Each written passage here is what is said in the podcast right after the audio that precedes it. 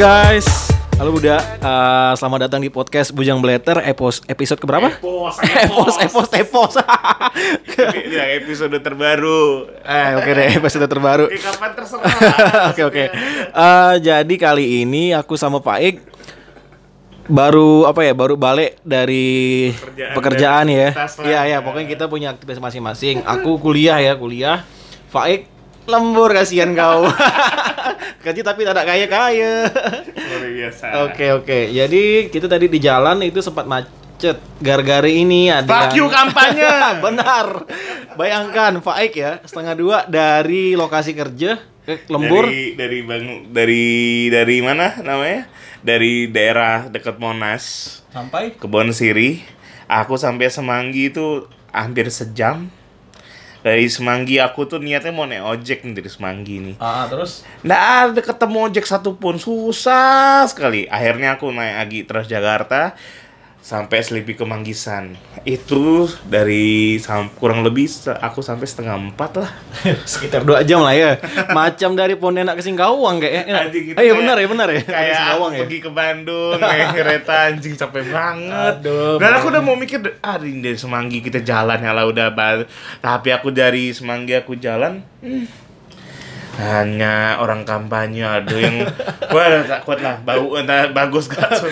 Banyak nasi bungkus ya masih bahasa seran ya.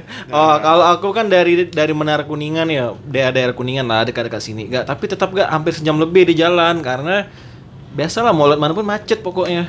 Eh, aku heran tuh orang parkir bus Sembarangan. nggak sembarangan. Kok bisa kayak gitu ya? Iya, aku juga bingung. Maksudnya di tepi-tepi jalan yang ada rambu, yang, yang, yang apa yang yang clear ada rambu stop, eh dilarang berhenti, Depan bisa berhenti. depan DPR sampai parkir loh di Iya. itunya. Aduh capek lah udah. Udah ada back to Oke oke oke topic. back topic. Jadi kali ini ya hari ini aku sama Pak Ik nak bahas tentang prioritas utama millennials atau budak-budak zaman sekarang ya. Inilah anak-anak muda zaman sekarang. Ah, apa apa nih apa anak apa nih? muda lah zaman apa sekarang apa? Caption caption. Oke, aku kemarin sempat dapat di suatu akun IG, namanya tidak usah disebutkan. Dia memaparkan prioritas utama millennials Hmm. dari yang paling besar ke paling kecil. Yang pertama tuh 54,4 persen membahagiakan orang tua. Yang kedua 54,2 persen memiliki rumah. Yang ketiga 48,4 persen menjadi orang tua yang baik. Terus 3,- 32,1 persen menjadi pengusaha atau entrepreneur. Oke.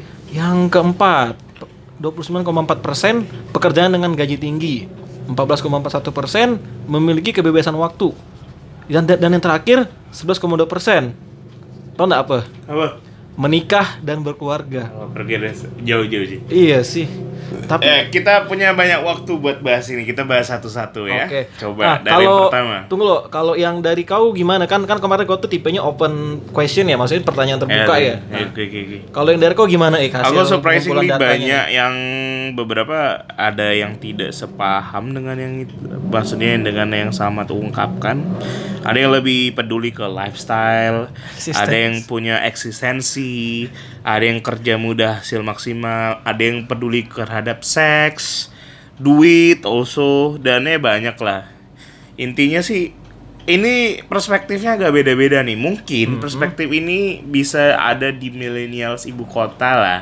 Ibu kota Iya ya. enggak? Iya kan? Ibu kota ini mana nih Pontianak kan ibu kota juga. Ik. Ibu kota negara kita bangsat. Jakarta. Nah, coba kau lihat benar-benar Ah, ah, ah. Dari instrumen poin itu. Maksudnya dari variabel variabel-variabelnya tuh memang variabel-variabel anak Jakarta Selatan yang ngehe aja tuh. Dia enggak Jaksel. Heeh. yang mentingin apa? Superioritasnya. Ah, males banget. Tapi coba kita bahas satu-satu. Bagi kau, itu doesn't matter ini bener atau enggak ya. Tapi bagi kau ini benar gak sih? bagi aku sih ini hanya konten saja. Iya sih benar sih. Tapi kar- karena gini, ada semacam dispute. Dispute itu artinya ada semacam eh, bertolak belakang lah. Kan aku kan punya apa ya juga apa ya misalkan lagi break nih Hmm. atau istirahat atau budak lah ya. Buka-buka IG, IG story aku dari bulan Januari kemarin sampai sekarang isinya orang kawin, eh sorry, kawin, nikah, nikah semua gitu kan. kawin lagi Jadi- kucingnya sorry, sorry. Jadi dari awal Januari Orang sampai nikah, akhir ada sekarang orang itu akad ada resepsi Ah, ada yang lamaran, ada yang Eh, foto banyak. prawet, ada yang apa ya? Pokoknya yang berhubungan dengan pengesahan suatu hubungan. Iya. Iya, dia kan melembagakan melembagakan melembagakan effort deh. proses pembuatan buku nikah. Ya, pokoknya gitulah. Yang mahal itu Jadi tuh itu juga sebenarnya bukan bukannya risih sih, tapi itu itu juga sebuah sebuah fenomena yang yang, yang bertolak belakang sama yang aku dapat Iya, di betul, salah satu betul, IG betul, ini. betul. Di sini kan paling rendah tuh menikah dan berkeluarga, Iya. tapi fenomenanya yang di teman-teman aku tuh rata-rata udah udah pada di nikah umur sekarang. kita tuh anomali buat bilang menikah dan keluarga tuh jadi prioritas terakhir. Heeh. Kadang-kadang ada banyak teman-teman yang juga pengen langsung menikah dan itu cu- cuman memang kondisi keadaan aja. Yes. Muka, dompet, sama jodoh belum datang itu Ah, agak benar, susah kan. Nah kan anehkan jodoh pun doi datangnya sembarangan ya udah. Jadi ya Sembarangan. mu- mungkin ka- mungkin pesakitan sekali yang jawab tuh yang nggak dapat dapat jadi prioritas terakhir aja lah maksudnya. Macam kau lah ya. Ada ada ada ada. Terus terus bahas Oke. yang lain. Kalau tadi kan se- secara kalau kalau dari uh, aku sendiri itu bertolak belakang antara yang ada di hasil survei i- apa akun IG tersebut sama yang aku sama sama fenomena yang aku lihat. Nah, kalau Fai kayaknya juga juga sama deh Iya, uh, iya. hasilnya. Nah, tapi sekarang kita mau ngebahas nih. Di sini kan ada membahagiakan orang tua itu paling besar 54,4%. Aku rasa sih ini ini terlalu general lah. Maksudnya terlalu apa ya? Terlalu luas. Kita kan ngebahagiakan orang tua tuh kan punya cara masing-masing. Maksudnya itu Iya. ndak ada suatu indikator atau ndak ndak ada suatu patokan yang bilang kau harus gini buat bikin orang orang tua bahagia gitu. Dan itu tuh kayak kewajiban, bukan sih? Iya, itu kewajiban. Itu tuh kewajiban bukan suatu yang harus di di diprioritaskan. Itu tuh memang memang ada aja, bukan prioritas number one. Itu memang udah ada kewajiban aja anjing. kau mau gimana pun ya, kau mau bilang mau membahagiakan orang tua ini, ah fuck you. Kau tuh itu tuh tugas kau nyet, bukan Kewajiban. bukan bukan inisiatif dari kau tuh enggak tuh. Walaupun orang tua enggak minta, orang tua pun enggak pernah itu kadang ya memang harus melakukannya tuh memang harus bener dari hati karena kan tuntutan agama, lingkungan segala macam tuh emang benar. emang menaruh di posisi pertama tuh kadang-kadang enggak matters. Iya. Tahu sih bener atau enggak bagi aku sih Eh jangan begitu maksudnya. Maksudnya ada pikiran buat membahagiakan ke orang tua. Bagi aku sih ya udahlah. itu udah auto lah. Kewajiban Auto ya, itu, itu auto udah dari kita lahir. otomatis. Ah. Memang hidup kita dari kecil itu ya membahagiakan orang tua tuh Hmm. wajib lah. Ini- itu maksudnya kita kalau mau membagikan orang tua tuh nggak bisa di- diukur dengan nilai uang sih aku rasa. Gak bisa. Nggak bisa. Naikin haji, eh, pergiin ke mana, liburan. Ya. Kadang pun orang tua pun kita, ya nih anak-anak milenial bangsat ini pun nggak tahu kali. Maksudnya orang tua tuh orang tua kau tuh nggak tahu mau- maunya kau tuh apa kadang-kadang. Dan kau pun nggak tahu maunya orang tua kau tuh. Kita tuh udah jarang bersama orang tua lagi kan. Nah jadi ya pintar-pintar kau lah nak bilang nak bagian ke orang tua. Nah meters itu Oke. kentut lah mau bagian orang tua modelnya kayak gimana juga itu masih Random. masih abstraksi yang terlalu banyak lah Oke, mau masih oke. masih bisa di break breakdown jauh bagi aku sih bagian orang tua tuh bukan prioritas tapi kewajiban sih Heeh. Ka- terus yang kedua nih memiliki rumah. Ini sih aku rasa penting juga ya memiliki rumah. Tapi tapi di mana dulu? Nah, nah, nah, bagi, nah, bagi aku pun memiliki rumah tuh suatu prioritas yang hanya sampai di tindakan bacot ya. Bagi aku sih orang anak-anak sekarang ya pengen punya rumah tapi kok nggak pernah investasi, Yes. kok nggak pernah punya maksudnya tuh nggak punya punya plan gitu, nggak pernah mik nggak tahu ya mungkin mereka nggak cerita atau apa. Bagi aku sih aku aja yang punya nge udah punya plan, udah punya investasi bentuk-bentuk itu bagi aku tuh beli rumah tuh kayak nggak mungkin man. Kita kerja kayak kayak soalnya. iya pusing ya bayangin beli rumah itu dan bagi aku di era yang kayak sekarang nih sharing ekonomik tuh buat beli rumah tuh kadang-kadang tuh perlu nggak perlu kayak kita lah nih aku Iya, nih enam tahun Anak rantau ya. tinggal menyewa sepeda motor, kendaraan, mobil menyewa.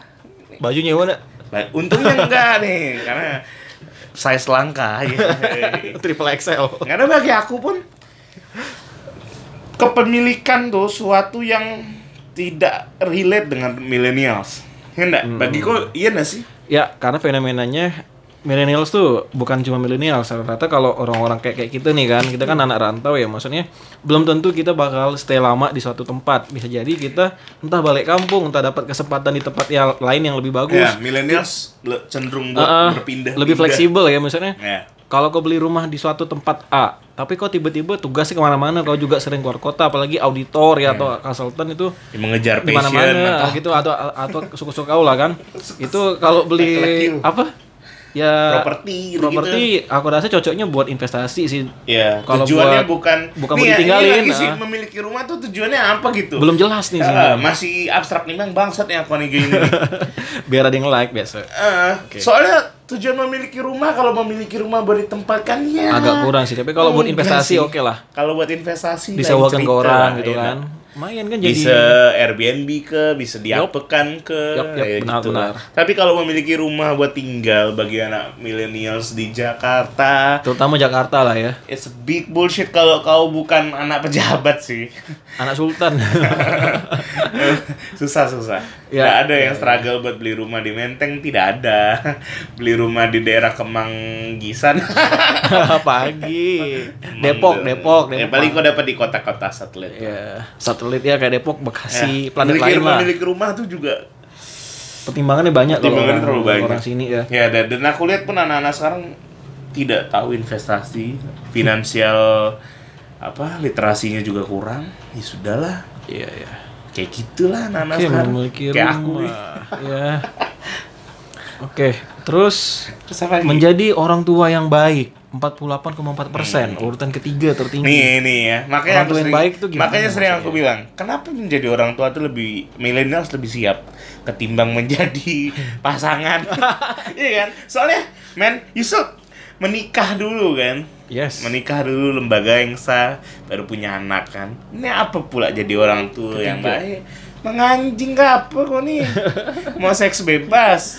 Ngadopsi, ngadopsi. Aduh, adopsi anak itu kan aneh maksudnya kau tuh belum selesai dengan hidup kau udah mau ajak orang masuk ke hidup kau tuh gimana coba Ah, masa Dispute, mau dispute. jaga anak iya aku sih aku aku tuh bisa jadi orang tua timbang jadi pasangan jadi jadi suami berat men Suami. jadi bapak mungkin lebih berat tapi aneh kenapa itu jadi posisi yang lebih tinggi daripada untuk memikirkan langsung menikah Hmm. kacau sih itu Ya sekarang hati-hati ya, pokoknya banyak lembaga-lembaga survei yang agak-agak gimana ini gitu kita ya. mau ngata-ngatain ini aja sudah Eh, sebenarnya maksudnya aneh sebenarnya. aneh makanya makanya kita daripada ngomongkan topik yang lagi hot di Pontianak tuh mending kita ngomongkan yang ini ya Eh, gitu iya, kan. Itu pun lebih dispute nih. Ntar Ah, ngomongin yang itu. ini aja nih Aduh, ini aduh, ini ada nih. Pusing tuh. Terus terus apa lagi? Eh, terus yang keempat menjadi pengusaha entrepreneur. Nah kalau ini sih aku setuju Ik. Ya, ya, ini Ini setuju. setuju. Semua semua.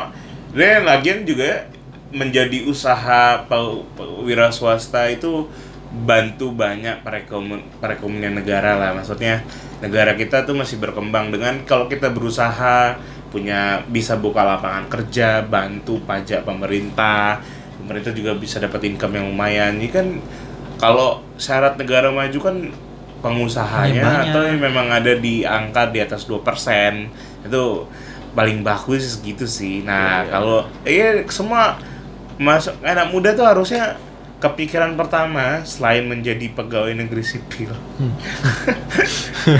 ya which is itu tidak bagus ya kalau di- untuk anak-anak milenial tuh untuk jadi pegawai negeri sipil tuh. Tapi kalau kau pengen jadi pegawai negeri sipil dan bisa berusaha tuh, wah 100% luar biasa keren lah itu. banyak sih kayak gitu banyak Ya, jadi usaha tuh memang memang nggak bisa gol di tembakan pertama sih. Jadi milenial tuh kurangnya kurang kurang mau suffer aja dari bawah. Dia sih cita-cita jadi pengusaha, tapi jualan tak laku tak bawa usaha lagi. nama Ya, gak ya, nama ya. gak jualan ya. Nama gak hidup kan ada di atas ada di bawah.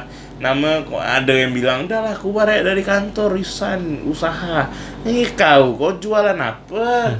Kok kau tak laku makan Gitu. makanan kau. Besok kau nak makan nangis. Lagi aneh sih. market ready nggak gitu Nah, nah, iya ya, perlu analisa yang panjang, perlu perlu ya keberuntungan sih. Hmm. Memang orang beruntung tuh menang men dari segala-segalanya. uang bejo hmm, bejo. bejo jadi namanya namanya bejo beruntung lah ya Nggak juga semua yang beruntung beruntung aja. Tidak ada indikator nama siapa. Faik bejo ini oke keempat pekerjaan dengan gaji yang tinggi tuh Hmm. itu sih memang tuh Memang ya. pekerjaan dengan gaji yang tinggi. Makanya, ya. makanya makanya kenapa pekerjaan susah tuh itu. Orang ngeluh pekerjaan susah anjing. Ada tuh yang di Instagram mana tuh Pontianak nah, ngomong-ngomong kan? ya, ya, pekerjaan susah iyalah kau minta gaji mahal susah lah. Pengalaman tak ada ya kan? Pengalaman nggak ada. Nggak mau mulai dari nol. Gengsi ini tuh. Ih, kok masak? Masak nih ya. Nih misalnya kita di podcast ini udah besar nih kita cari editor kan. Editor kita kasih ya mungkin ya nggak mahal lah. Tapi kok dia ngeluh tuh menganjing kok dia nggak pernah apa-apa yang ngajarkan nanti aku segala macam kan?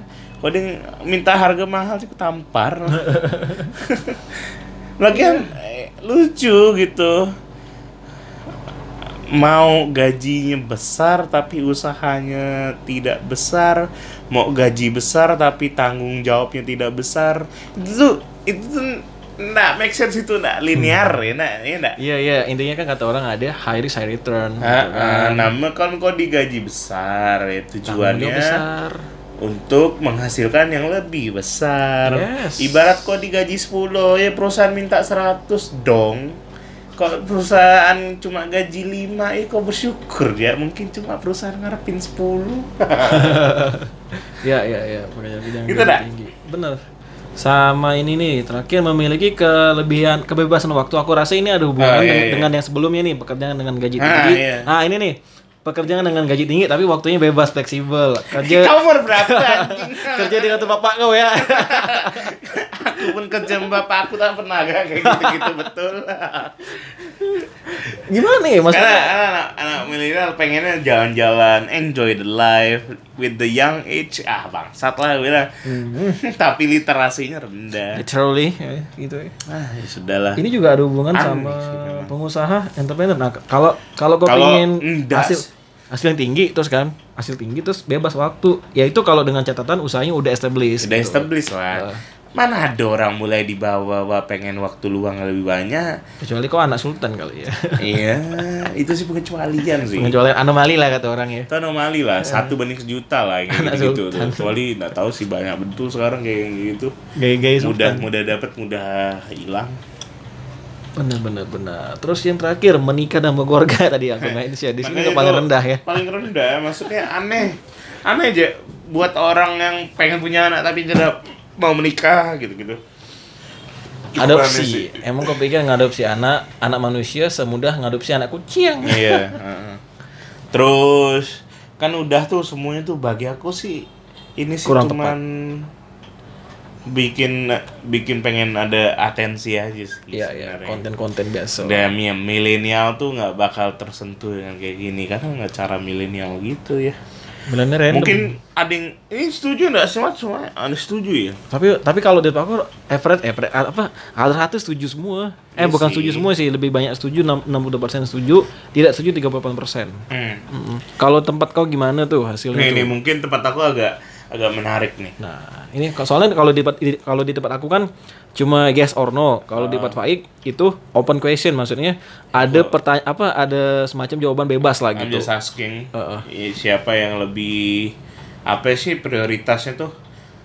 Ada jawaban yang ini kita langsung take flow aja ya. Ada yang bilang lifestyle, eksistensi, sama seks. Wow. Ya kan?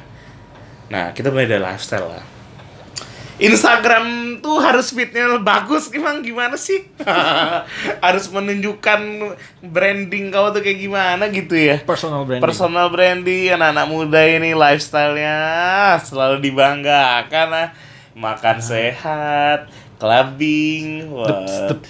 Kadang-kadang tuh eh, penting tuh lifestyle tuh. Jadi prioritas utama tuh lifestyle lah. Ada yang pengen lifestyle-nya mau party pol habis-habisan ada yang lifestyle-nya olahraga terus sampai tangan putus ya kan?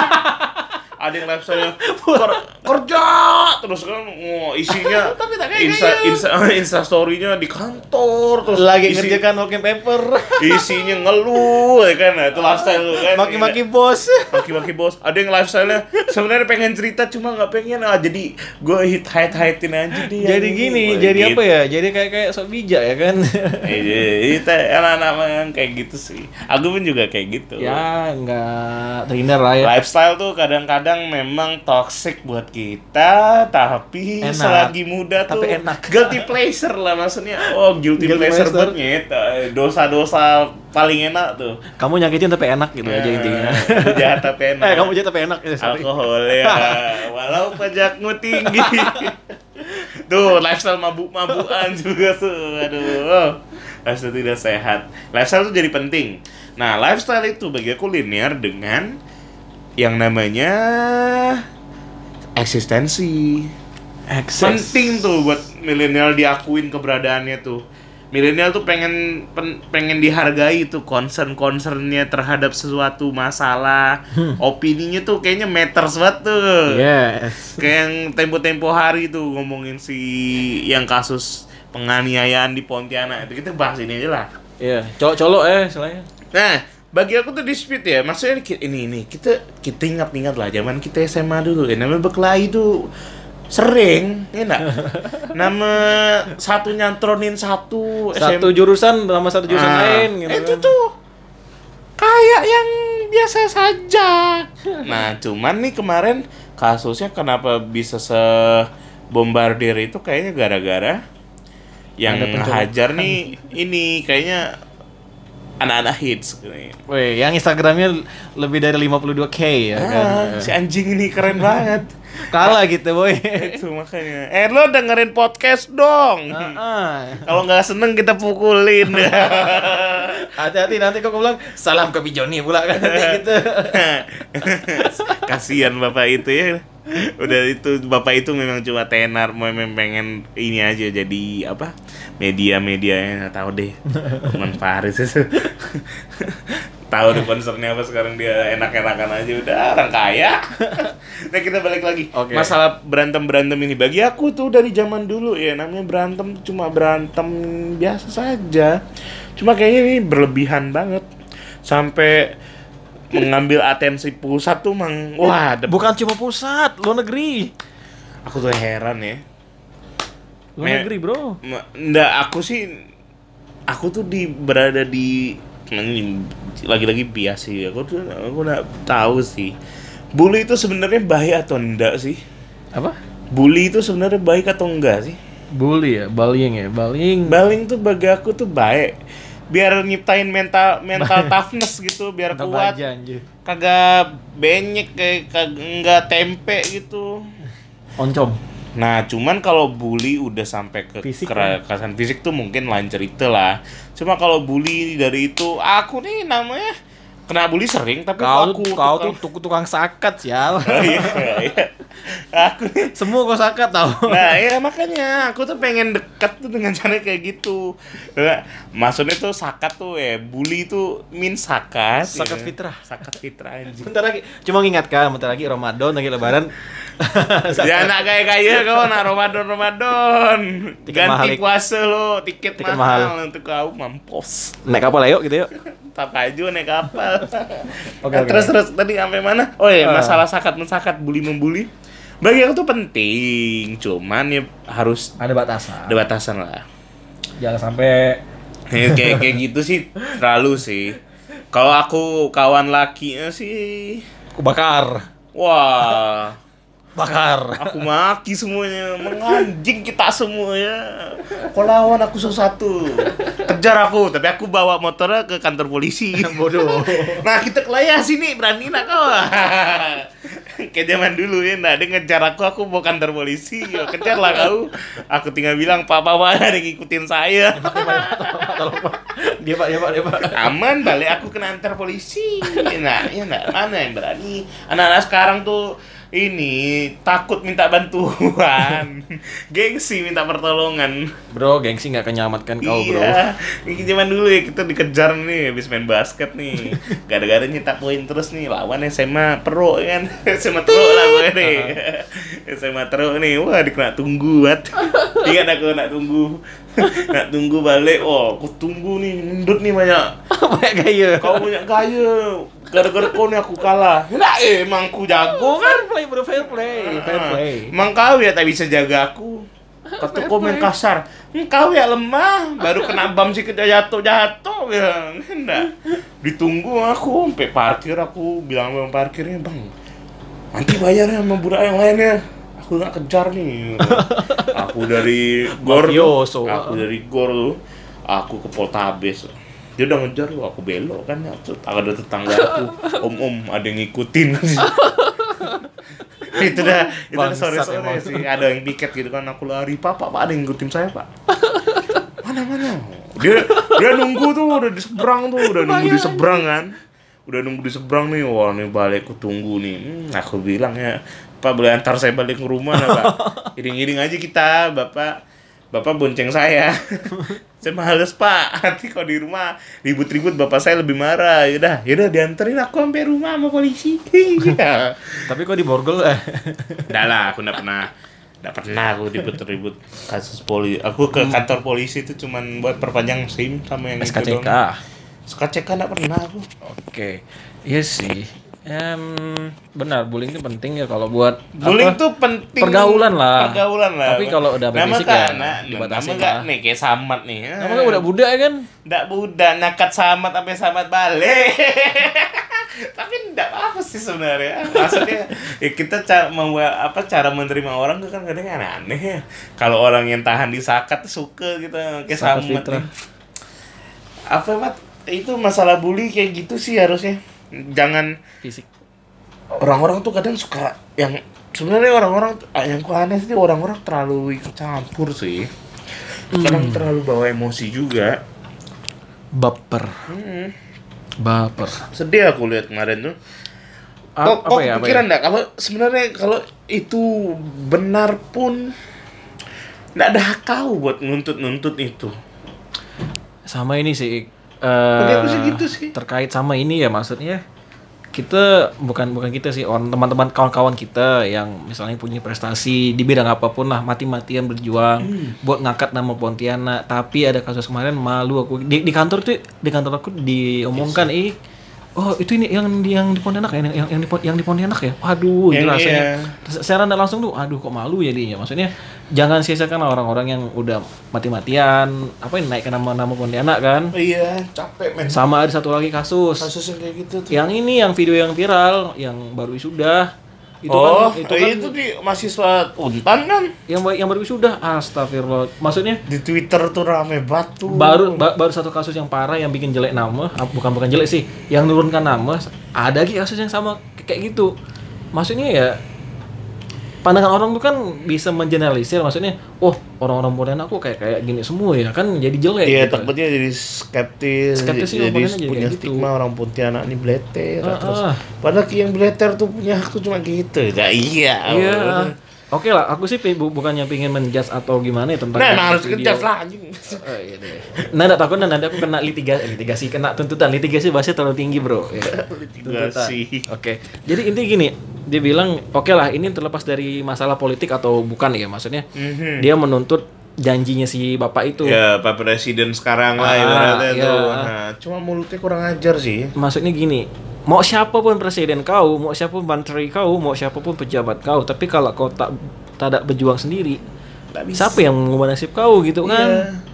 Bahkan kan ada di agama kita kan bilangnya Iya, iya. kita nggak akan diubah nasib kalau kita nggak berjuang. Iya. Itu aja sih. niat tuh dari datang tuh dari diri sendiri, Ah, ah. enggak? Mau siapa pun lah presiden kau, kalau kau sendiri kayak gitu gimana kau mau jadi? Kenapa TKA asing laku? Karena dia enggak neko-neko. Iya benar. Oh, Jepang lah contohnya. Enggak neko-neko, gampang diatur. Nah, kau ya susu, suruh masuk jam 9 ya tak datang kau jam 9. Kau ngomong apa? Jak lagi kah? Ah, minta gaji tinggi. Dah gaji tinggi ya gimana Skill kok cuman belum gimana gitu kan. Pokoknya Ah, udah gitu jam 12 main Mobile Legend. Habis jam main pep, main PUBG. Hmm. balik-balik jam 2. Balik-balik jam 2. Su kerja ngantuk. Sholat asar jam Ah, 3. Sholat asar Sampai jam tidur 4. lagi Jam jam lima balik. 4 duduk-duduk ngerokok baik ah. Jam 5 Allah bar nah balik aku nak nak, nak main badminton malam. Makanya aku sempat komen juga tuh di salah satu IG Pontianak, bro. Cuma singkat kok, cuma singkat komennya, bro. Merantau lah bro. Dunia bukan di, bukan di, bukan di, bukan apa, bukan di, di- bukan di situ itu ya aku bilang kan. Mm. Maksudnya yang ngajar kok ada. Itu kan cuma cuma pengen nagih janji presiden kita saat ini. Aku sih nggak mau balas. Maksudnya ini hal sens- sensitif kalau dia udah terkait udah Nggak. tersulut emosi masalah politik, aku aku sih malas tanggepin. Intinya gini sih aku bilang, Tuh nagih janji Bro. tuh. bro lu dun- dunia ini luas bukan cuma di Pontianak. Eh, Aku ini kita bilang. kita gini lah. Kalau dia nagih janji ya dia dia milih nggak sih tahun lalu tuh? tahun 2014 umurnya berapa ya? mungkin mungkin milih karena aku lihat ini mahasiswa udah kayak mahasiswa legend sih. Oh, sudah pre, pre, veteran lah ya. legend bukan veteran lebih tinggi lagi. Oh, iya. Nah ini berarti kalau dia main basket tuh, jadi bisa jadi bikin patung lah itu legenda klub lah. Ini legenda fakultas deh ya. Macan. Dagi janji? Wih. Ya aku kan. yang gak pernah ngeluh sama perintah. Ya. Eh, mau, maksudnya bodo amat lah mau Pernah mau, sih. mau mau siapa pun presiden kau kalau kau sendiri tidak bergerak gimana kau mau jadi gitu kan? Hmm, hmm, Ah, dunia ini luas, jangan cuma situ ya. Tuh bangsa tuh emang orang-orang itu. Jadi jadi maksudnya ah, kita sebagai anak-anak rantau ini kan ya maksudnya menjaga nama baik kampung kita lah kan. ah, Malah yang di kampungnya kayak gitu. Malah di kampung nih Aduh, bertingkah lah, jadi- baru kena internet, weh. Nah, langsung semua diributkan, aduh. Jadi gimana ya kita di sini berasa bukan apa ya? Secara nggak langsung kita malu, kita jujur kita malu itu ya sih. Aku sih gak malu sih. Emang kau tak punya malu, sial. Aku sih ya jalanin aja di Pontianak. Kalau dia kalau orang kantor aku nanya, ini Pontianak ini ke Mangklai gitu ya. Aku bilang, wah itu sih udah kultur sih. kalau nggak suka sih memang dipukul sekarang. Ngeri orang sama kau ya langsung ya. aku pun gitu kan, kalau di zaman dulu kalau nggak suka ya pukul aja udah. Bakar bukan pukul. Eh, bakar kalau udah Jawa dulu ya kena baru sampai mulut dah orang takut dah padahal pun aku padahal pun aku Mengerti tak- ya kan? pa- padahal pun tak berani gak bang apa gak aku bakar kau emang jagong Di barbecue. itu gara-gara kecil nak mau kasih contean anjing kau tinggal di hutan ya aku bilang kau tak ada aku bakar mau aku bakar kau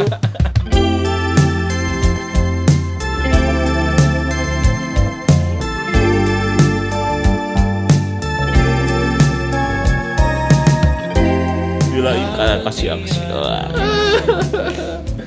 Oke juga sih. Ah ini ada salam juga buat kita, buat teman kita yang bakal aduh aduh menjadi istrinya gitu kan maksudnya ya. Kita kehilangan satu teman lagi Bukan yang sudah sih. menga- un- ah, sudah mempersiapkan diri untuk mengabdi kepada Babang Tampan ya Allah Maaf kita tak bisa datang. kayak kita kan nggak bisa datang spesial podcast ini kita tujukan buat Ibu Ingrid Safira teman kita dari kecil aku kenal dia dari SMP Aku dari SMA ya sih. cuma Ingrid tuh banyak bantu aku dari zaman dulu dari SMP sih Oh, dari oh. SMP SMA sering ngobrol sering ke rumahnya sampai sekarang pun waktu dia sempat kerja di Jakarta ya saling bantu saling support Ya, sharing lah gitu. dan sedih sih Ya Nah. time time. Ing kenapa sih kok nak mau sama aku Ing? Woi, woi, woi, ngomong nikah, woi, woi, woi, jangan, woi. Kau nih ngomong ngomong ngompor ya. Jadi ya, Ing, selamat yang Ing ya. Semoga lancar sampai hari A. Mohon maaf sekali lagi kita berdua nggak bisa datang bukan karena tak mau. Pertama ya, bukan bukannya kita pelit. Tiket agak mahal, Ing. Aku baru ngecek hari ini ya. Lion Air yang katanya paling murah itu 1,6 juta gitu kan. Terus Garuda 2 juta men gitu kan. Ya mau nunggu THR masih lama. Jujur aja. Terus eh, pagi ya. Jadwal lagi padat nih. Ini lagi apa ya bisa dibilang musim sibuk. Terus kuliah lagi aku kan demi masa depan yang lebih cerah. kita, ya, kita, iya, kita cuma bilang sama Ingrid Kita doa ya. Hopefully semua berjalan sebagaimana yang diharapkan pernikahannya sama dewa Warohmah. rumah kedua Ya. belah pihak bisa saling sukacita. Saling mengisi satu sama Semoga Ingrid menemukan karir yang baik di Pontianak. Amin. Bersama Babang saling support. Amin. Semoga ilmu yang udah dicari jauh-jauh bisa bermanfaat buat ya orang sekitar lah dulu teman-temannya kayak aku nanti kalau aku cedera Amin, kau amin. yang pijit aku pertama ya Emang kuat pijit kamu.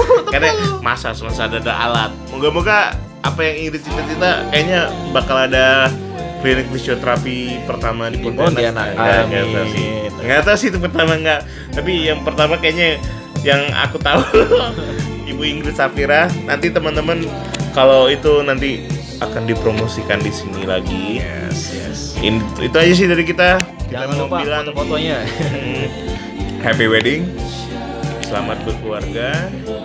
Sama menuju tahap hidup yang baru gitu. Nah, cepet-cepet punya momongan kalau pengen Emang ada yang pengen bodoh? kayak mungkin I don't know eh jangan lupain kita kalau main ke Jakarta kita ketemu lagi kayak masih masa lajang Kalau udah punya anak kenalin sama om om om om apa om, om tampan ini ya. ngomong tampan dan rupawan udah Oke, Sekian. oke budak-budak, makasih ya yang eh, yang udah dengarkan, yang udah nanggapin kalau bisa, makasih lah ya.